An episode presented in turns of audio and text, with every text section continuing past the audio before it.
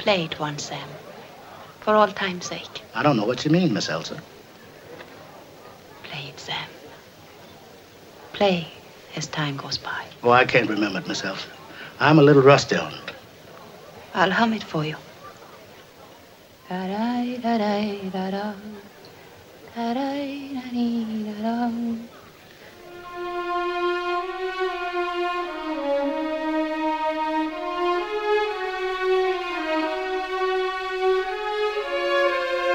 Czas mija, a my słuchamy coraz częściej i chętniej słuchamy kina. A w nim Są polonezy i piosenka jest i absolutnie nie można się by było bez nich obyć. Często trzeba gonić za tym filmem, czyli tych motywów będzie siedem, powiedzmy osiem. Wspaniałe muzyki to są te, te, które sobie też reżyserzy sami dobrali. W muzyce filmowej najbardziej mi pasuje, że ona mi daje przestrzeń.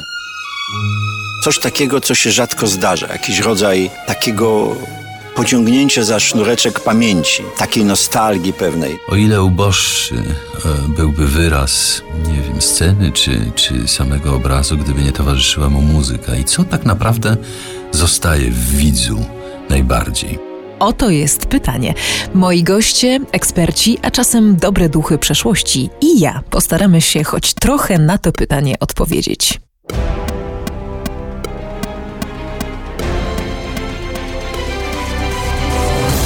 Zagraj to jeszcze raz w RMF Classic. O fenomenie muzyki filmowej opowiada Magda Miśka-Jackowska.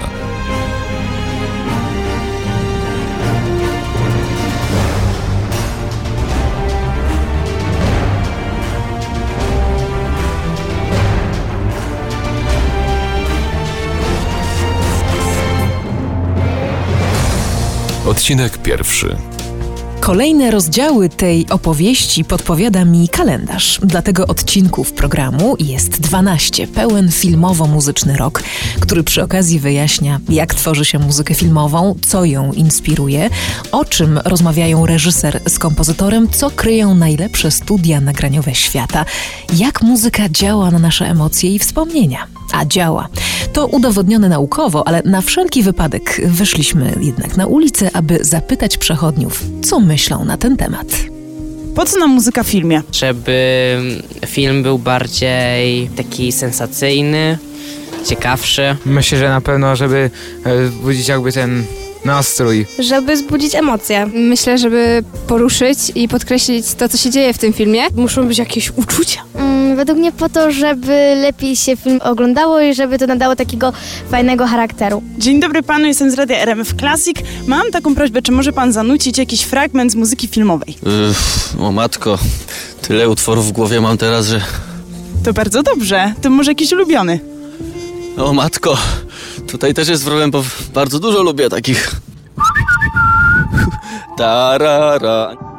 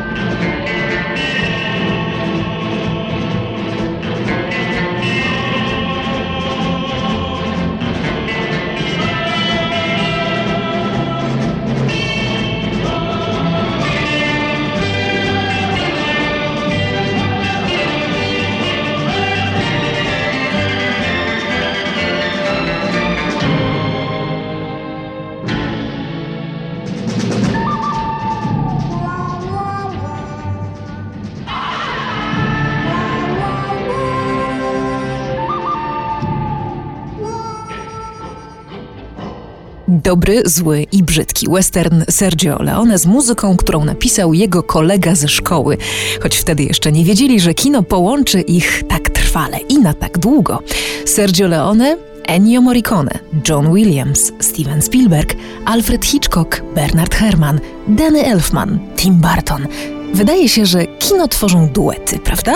Dla mnie on w ogóle pracował przy tym filmie nie wiedząc jeszcze o tym. Jakże byłoby pięknie, gdyby Dorota Kobiela i Hugh Welchman pozyskali takiego muzycznego przyjaciela na lata. Pamiętacie ich piękny, nominowany do Oscara film Twój Vincent? Opowieści o Van Goghu towarzyszyła muzyka brytyjskiego kompozytora, wokalisty i instrumentalisty. Znacie go świetnie. Zagraj to jeszcze raz w RMF Classic. Kalendarium. 7 stycznia 1963 roku urodził się Clint Mansell. O nim mowa, mówi Dorota Kobiela.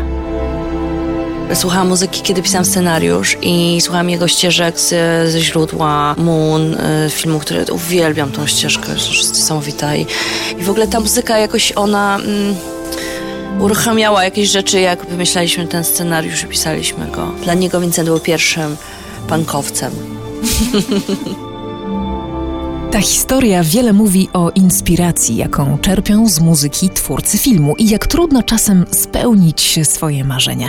Dorota i Hugh przeszli długą drogę, agent Clint'a nie odpisywał na maile. Potem osobiste problemy kompozytora przeszkadzały w rozpoczęciu pracy, ale w końcu się udało. Słyszycie? Piękny efekt.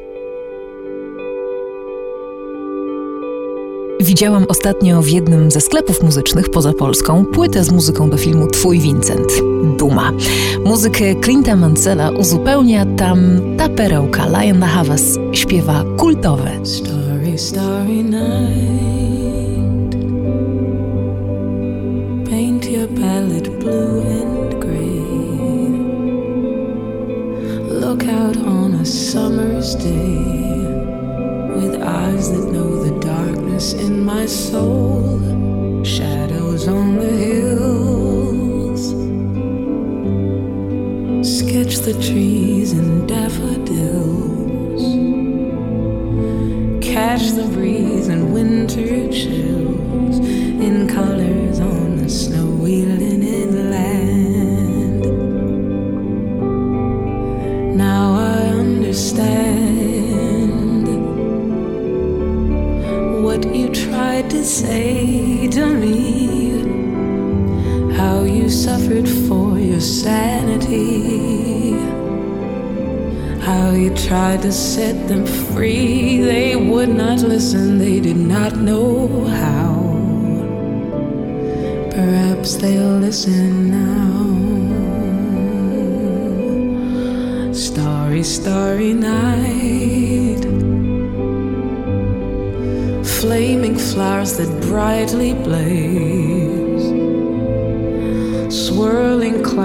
in violet haze reflect in Vincent's eyes of china blue, colors changing hue. Morning fields of amber grain, weathered faces lined in pain are soothed beneath the artist's loving hand. Understand what you tried to say to me. How you suffered for your sanity. How you tried to set them free. They would not listen, they did not know how. Perhaps they'll listen now,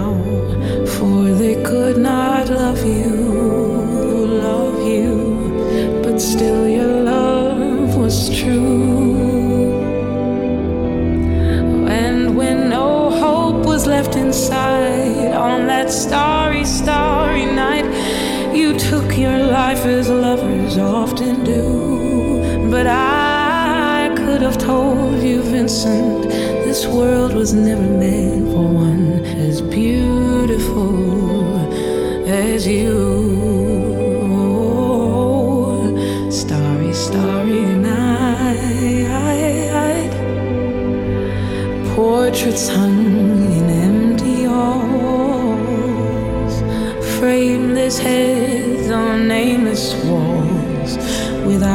Watch the world and can't forget, like the strangers that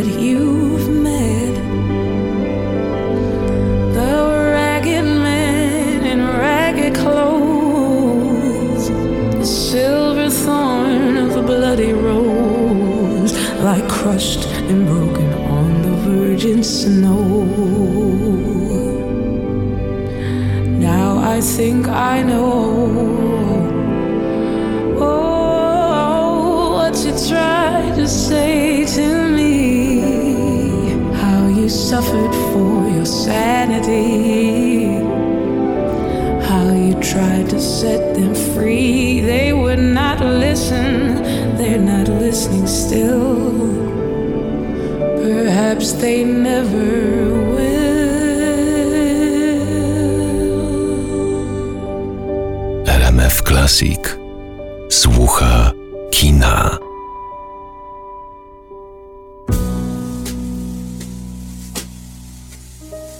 A to jest program Zagraj to jeszcze raz, w którym nie tylko opowiadamy, jak powstaje muzyka filmowa, ale także kto za nią stoi.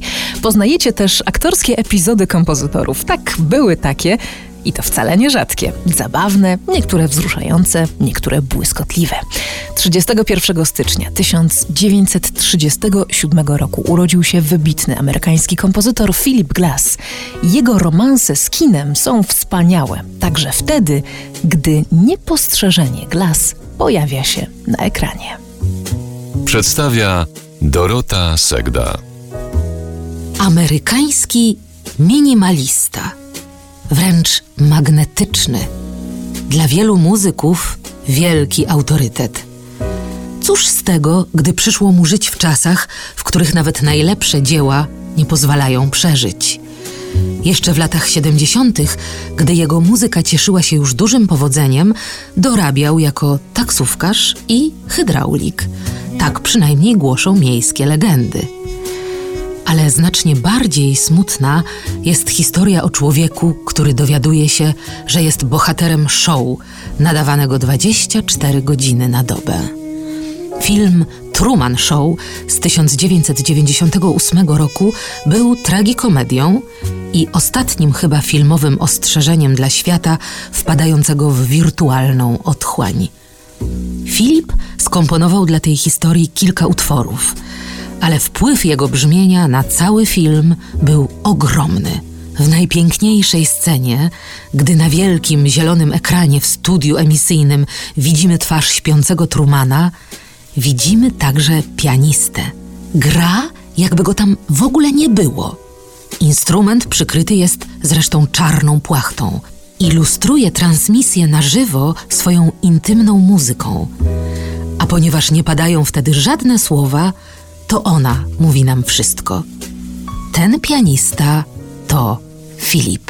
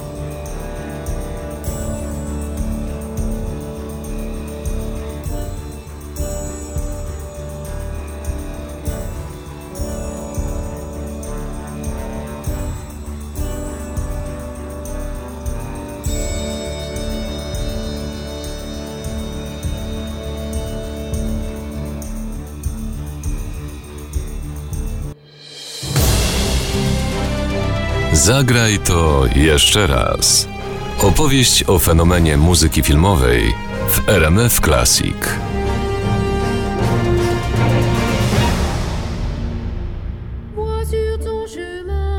Odcinek pierwszy krąży wokół styczniowych dat w kalendarzu. Przypomnę Wam z radością, że 13 stycznia urodził się Bruno Coulet, francuski kompozytor, autor muzyki do filmów Makro i Mikrokosmos oraz Pan od muzyki.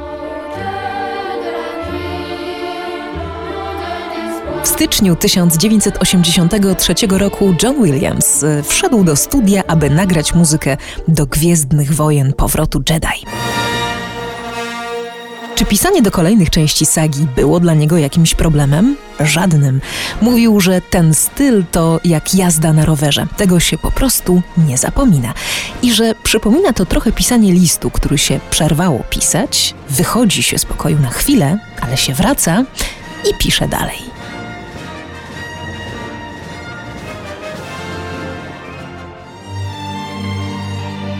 17 stycznia 1952 roku przychodzi na świat Ruichi Sakamoto. Pianista, kompozytor, aktor, producent, ale też ktoś więcej, kto przypomina nam, jak ważna w czasach globalnego hałasu jest cisza. Ta rzeczywista i ta w metaforze. Niezwykle pięknie ilustrował filmy Bertolucciego w Ostatnim Cesarzu czy Pod osłoną nieba. I jeszcze jedno nazwisko, tym razem polskie, Seweryn Krajewski, którego urodziny przypadają zaraz na początku roku. Romantyk i gawędziarz filmowej piosenki. Doskonałe teksty Osieckiej czy Cygana zespalał z muzyką w taki sposób, że nie sposób je dzisiaj rozdzielić.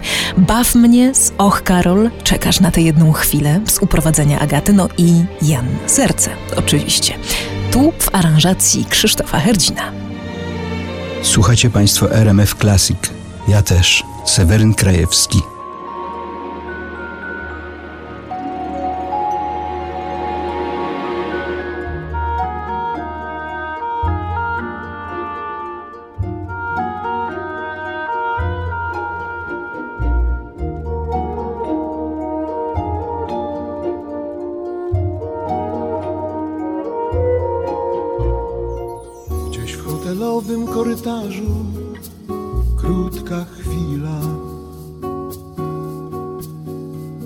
Splecione ręce gdzieś na plaży, oczu błysk. Wysłany w biegu krótki list, stokrotka śniegu, dobra myśl, to wciąż za mało moje serce, żeby żyć. Uciekaj, skoro świt, potem będzie wstyd i nie wybaczy nikt chłodu ust, braku słów. Uciekaj, skoro świt, bo potem będzie wstyd i nie wybaczy nikt chłodu ust Twych.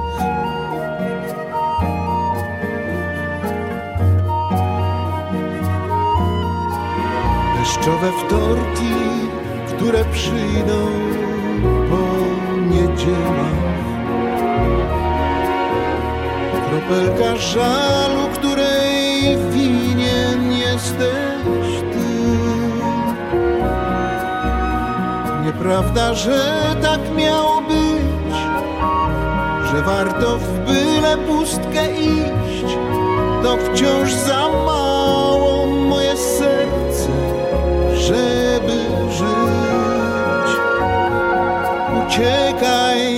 skoro świt, bo potem będzie wstyd i nie wybaczy nikt chłodu ust, braku słów. Uciekaj, skoro świt, bo potem będzie wstyd i nie wybaczy nikt chłodu ust Tajemnice filmowych przebojów w RMF Classic.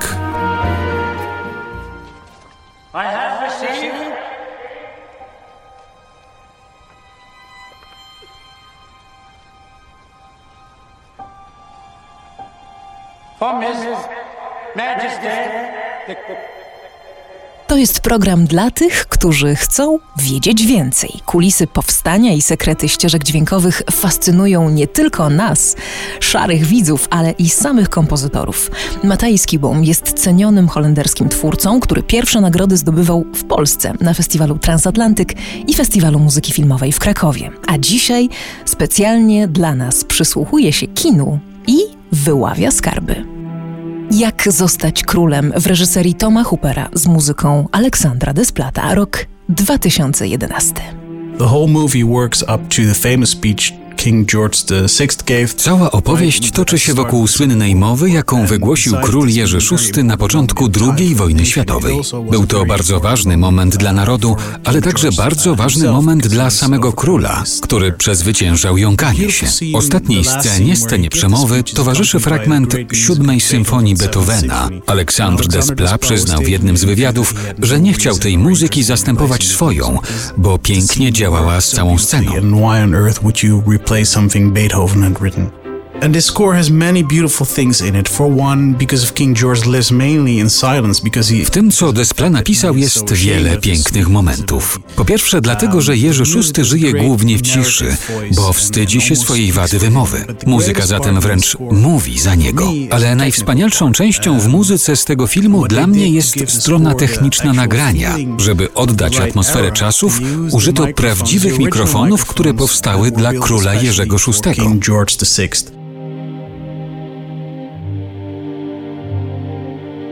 And they also used the custom-built microphones for King George V and Queen Elizabeth. Wykorzystano także mikrofony, które powstały na zamówienie Jerzego V i królowej Elżbiety. Zatem, mając najnowocześniejszy sprzęt nagraniowy w studiu Abbey Road, wykorzystano autentyczne królewskie mikrofony, które nagrywały tamte czasy. I kiedy słuchamy tej muzyki, pierwszy temat zaczyna się od fragmentu nagranego na nich. I dopiero potem wchodzi nowoczesny sprzęt.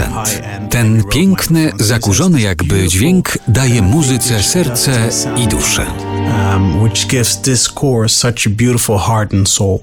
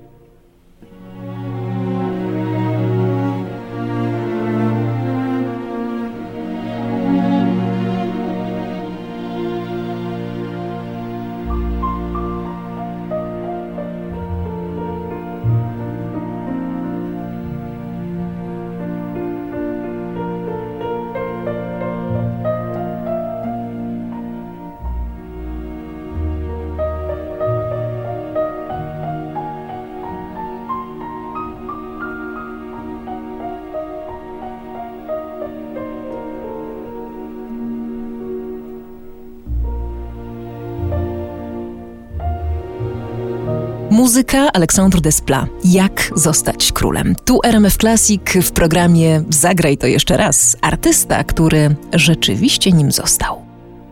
Goldfinger.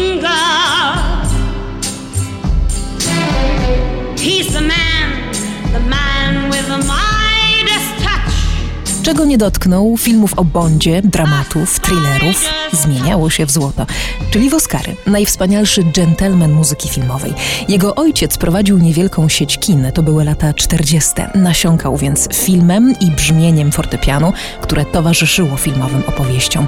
I nieświadomie tworzył od dziecka swój niepowtarzalny styl, którego wyznacznikiem będzie już zawsze melodia.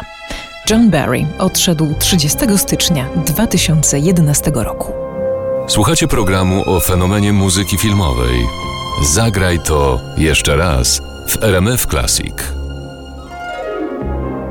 Mówi Nick Rain, dyrygent, orkiestrator i kompozytor, który pracował z Barrym przez ponad 20 lat, w tym przez dwa bondowskie filmy przy zabójczym widoku i w obliczu śmierci. John Barry's music was was very melody driven. Uh, I don't think he really wrote anything just for effect. Muzyka Johna Barego była pełna melodii. Nie sądzę, aby kiedykolwiek napisał coś tylko dla efektu. I miał styl. Nie szedł za innymi, co czyni z niego trochę dinozaura. Myślę, że dzisiaj nie pisałby dużo muzyki filmowej, bo wszystko poszło w inną stronę. Wpływ takich twórców jak Hans Zimmer jest ogromny. On zmienił muzykę filmową i przyciąga młodych, o czym świadczy popularność jego koncertów, a nie tradycjonalistów, którzy cenią melodię jak u Barego. Uh, but to the more traditional people, you know, who really like a John Barry a melody, for example, it's not, not their scene. So melody. Melodia umiera, ale mam nadzieję, że powróci, bo to jedyny sposób, aby poznać emocje bohaterów, których widzisz, a które to emocje właśnie muzyka uwypukla. How many secrets of uh, composers you know? How many secrets? Well, if they were secrets, I couldn't tell you. Hmm, nie ma takiego sekretu, który się przede mną ukryje. Nick Rain o sposobach na muzykę filmową. Weźmy Johna Barego, z którym długo pracowałem. Dziś w scenach akcji kompozytor stara się i pewnie jest o to proszony, aby zrobić coś, co my nazywamy Mickey Mouse'acją. Mickey Od myszki Miki, jak w starych filmach z myszką Miki. To znaczy, że gdy ktoś dostaje na ekranie cios, słyszymy to w muzyce. I to się sprawdza w filmie, ale nie daje widzowi żadnej szansy, aby wyciągnąć własne wnioski. John Barry zawsze mi powtarzał, że nigdy tego nie robił. Nawet w filmach o Bondzie po prostu pisał do takich scen muzykę. action sequence, he would just write a piece of music, you know, which had the rhythm and the drive. Miała rytm, energię, ale nie zsynchronizowana była z niczym, co działo się na ekranie. Po nagraniu okazywało się, zupełnie przy okazji, że wszystko do siebie pasuje. To był jego sekret. Dzisiaj, kiedy twórcy chcą wszystko z Mickey Mouse'ować, powtarzam to młodym kompozytorom. Oni często nawet nie przypuszczają, że można inaczej.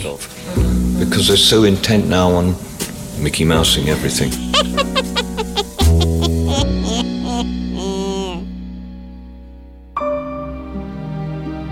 Zagraj to jeszcze raz. Czyli o fenomenie muzyki filmowej. Teraz będzie trochę o miłości.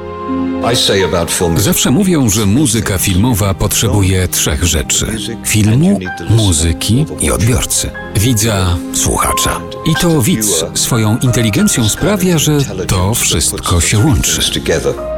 A John Barry dodawał jeszcze, że muzyce filmowej potrzebna jest piękna kobieta. Wiedział, co mówi. Miał pięć Oscarów i cztery żony. Kiedy myślę o muzyce filmowej, to pierwsze przychodzi mi do głowy e, Pożegnanie z Afryką i temat główny skomponowany przez Johna Barrego. Widzę scenę pogrzebu Denisa i lot samolotem Meryl Streep i Roberta Redforda. Polecam serdecznie i proszę posłuchać tego wspaniałego motywu. Magdalena Cielecka.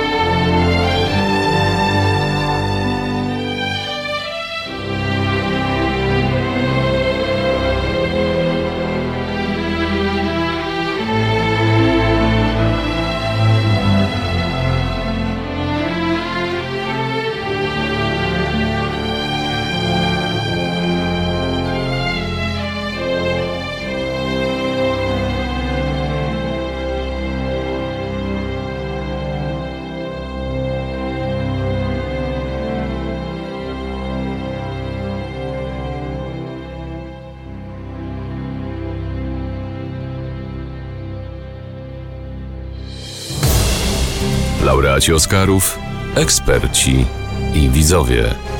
Zagraj to jeszcze raz o fenomenie muzyki filmowej w RMF Classic.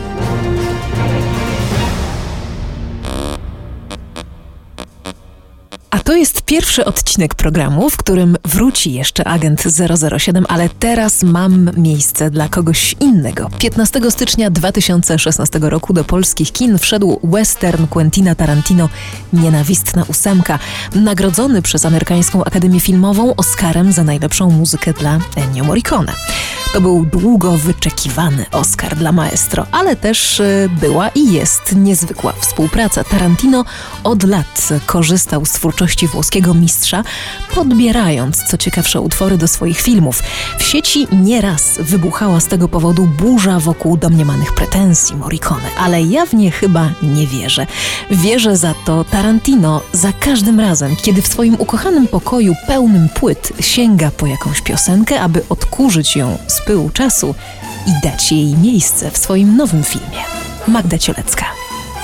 Ja właściwie mam wszystkie y, soundtracki z jego filmów, bo on zresztą kiedyś powiedział o tym w wywiadzie, że dla niego muzyka jest y, właściwie dodatkowym, y, jednym z wielu aktorów i że on wręcz wymyśla sceny pod muzykę albo pier, pierwszą inspiracją czy po, pomysłem na, pomysł na scenę bierze się z jakiegoś konkretnego utworu, że jego to bardzo inspiruje.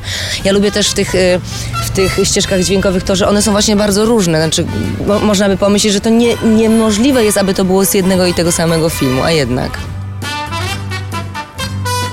Dobrze dobrane nuty potrafią unieść scenę o kilka pięter. Quentin Tarantino.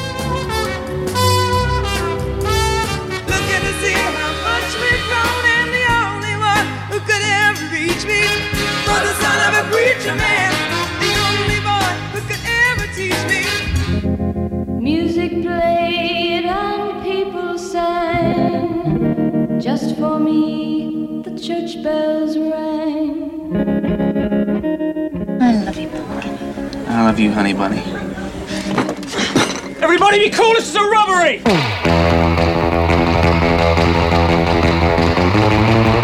Ten reżyser pokazał, jak ważna jest warstwa muzyczna, ale też jak, ważna jest, jak ważny jest miks muzyczny, bo przecież on w swoich filmach umieszcza utwory z tak różnych estetyk, z tak różnych epok i tak różnych wykonawców, a jednak to współgra. I myślę, że taki konglomerat muzyczny jest świetnym fundamentem pod e, wszystko to, co dzieje się w jego filmach. Krytyk Anna Serdiukow prywatnie kocha Tarantino miłością bezwstydną. Zgadza się ze mną, że kultowość scen z takich filmów jak Pulp Fiction czy Kill Bill to zasługa muzyki. On udzielił e, paru wywiadów, w których w zasadzie mówił e, szczerze, że on uważa, że te jego filmy nie miałyby takiej siły rażenia i e, nie przyszłyby do historii, nie stałyby się legendą, nie byłyby kultowe, właśnie gdyby nie muzyka. I, I opowiadał o tym, że z jednej strony to jest intuicyjne, gdzie on te utwory wstawia, on wie, on po prostu jakoś to czuje, a z drugiej strony, no to ma ogromne znaczenie, więc to musi być przemyślane, w jakiś sposób wykalkulowane. Masz absolutną rację. Ja myślę, że to nie byłoby tak, e, to nie oddziaływałoby w ten sposób, e, e, nie miałoby takiego znaczenia, nie wpisywałoby się też w kodeks kulturowy, no bo przecież czasami nie filmy, a poszczególne sceny przeszły do historii, tak? I, I one na soundtrackach, em, te utwory zamieszczone są z jakimś wyimkiem z danej sceny, tak? Czyli my Z słyszymy dialogiem, filmowe tak. dialogi em, i, i myślę, że to też świadczy o doskonałym guście e, Tarantino, ale takim guście, wyczuciu popkultury. Sposób, w jaki Tarantino otwiera Pulp Fiction fragmentem dialogu złodziejaszków ogłaszających napad, był jak celny strzał z pistoletu. Trudno o lepszy start opowieści, która ma nas uwodzić i zaskakiwać. Roger Ebert, legendarny amerykański krytyk filmowy, napisał kiedyś, że Pulp Fiction właściwie mogłoby być audiobookiem. Trudno się z nim nie zgodzić. Ladies and gentlemen, now the moment you've all been waiting for. It's a world famous Jack Rabbit Slim's Twist Contest.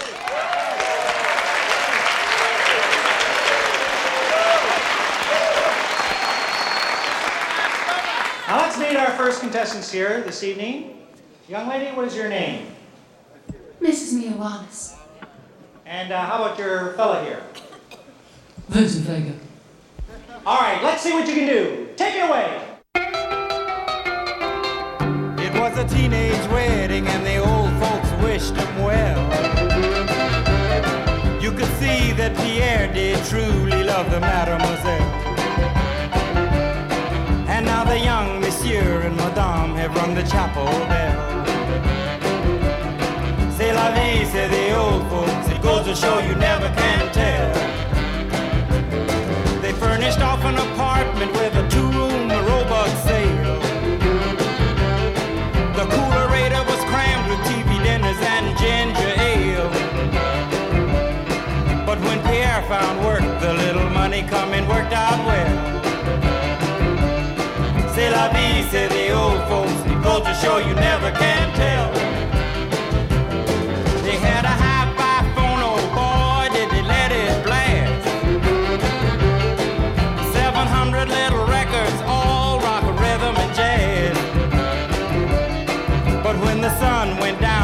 The tempo of the music fell.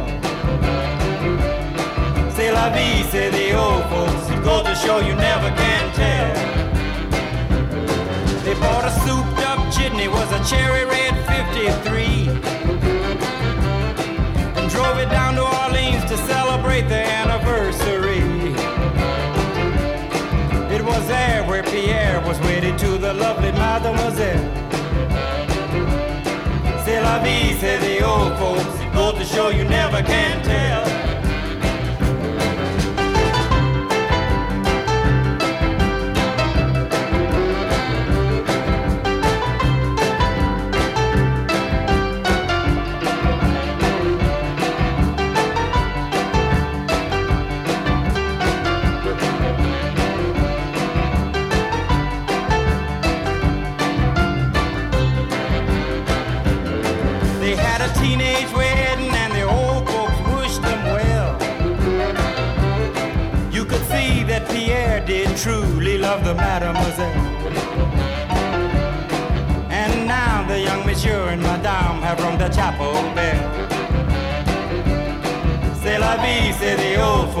Goes to show you never can tell. Zagraj to jeszcze raz. Zaprasza w RMF Classic Magda Miśka-Jackowska.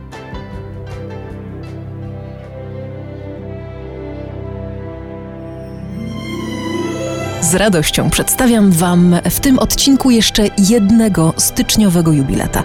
23 stycznia 1962 roku urodził się David Arnold, kompozytor aż pięciu filmów o agencie jej królewskiej mości.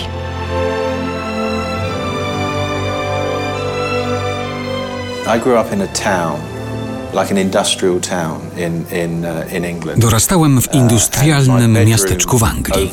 Okna mojej sypialni wychodziły na parking fabryki. Stało tam z dwa tysiące samochodów. And a factory there, and a factory there, and that's all I saw.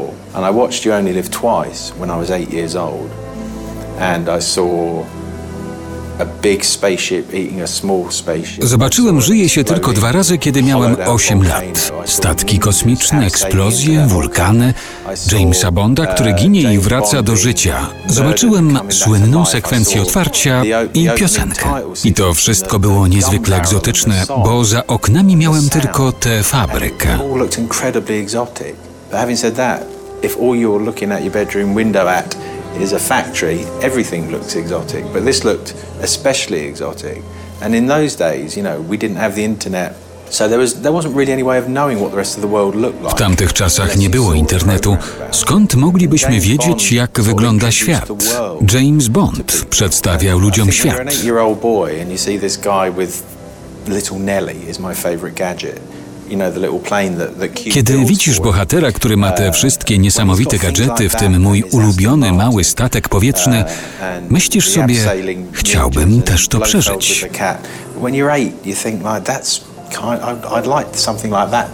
Tak się zakochałem. W jednych filmach bardziej, w innych mniej, ale zawsze miałem do nich słabość.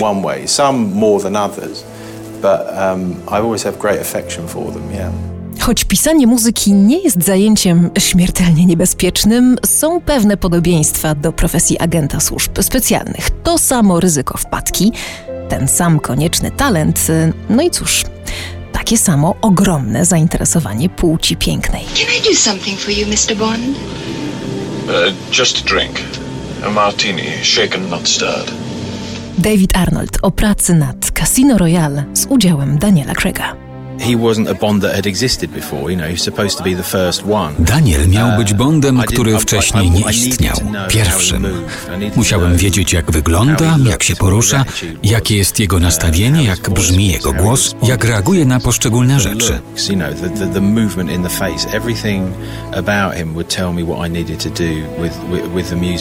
Wiesz, spojrzenia, ruchy, wszystko o nim mogło mi podpowiedzieć, co mam zrobić z muzyką. Uh, uh. Uh, Byłem na planie przez kilka dni. Razem z Chrisem pojechaliśmy do Pragi, gdzie kręcono scenę w kasynie. Byliśmy tam i obserwowaliśmy drugą twarz Bonda, tę mniej fizyczną, bardziej mentalną. Dobrze jest być na planie, żeby wchłonąć tę atmosferę i żeby poczuć, że jesteś częścią całości, choć twoja praca jest na samym końcu.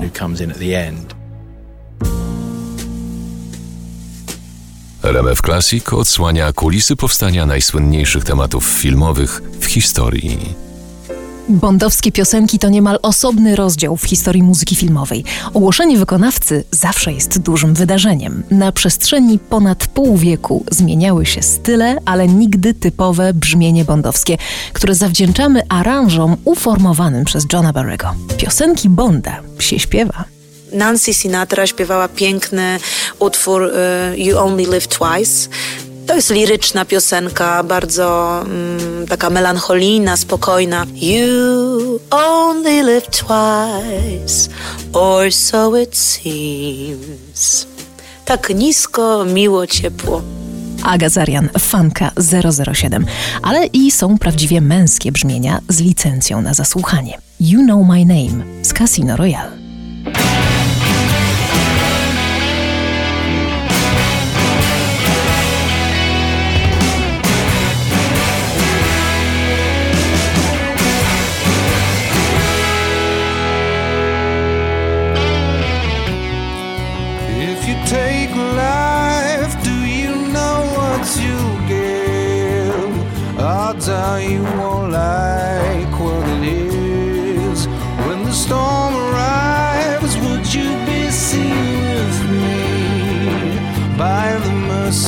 side.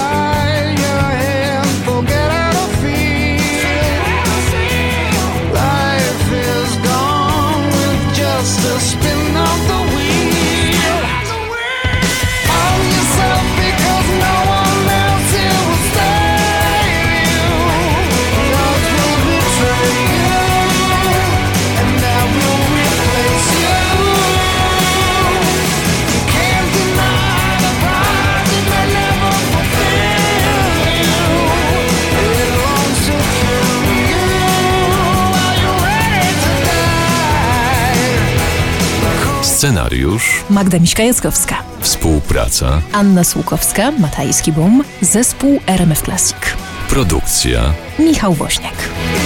Zagraj to jeszcze raz. Zapraszamy na www.rmfclassic.pl. Do usłyszenia. Czytał Piotr Borowiec.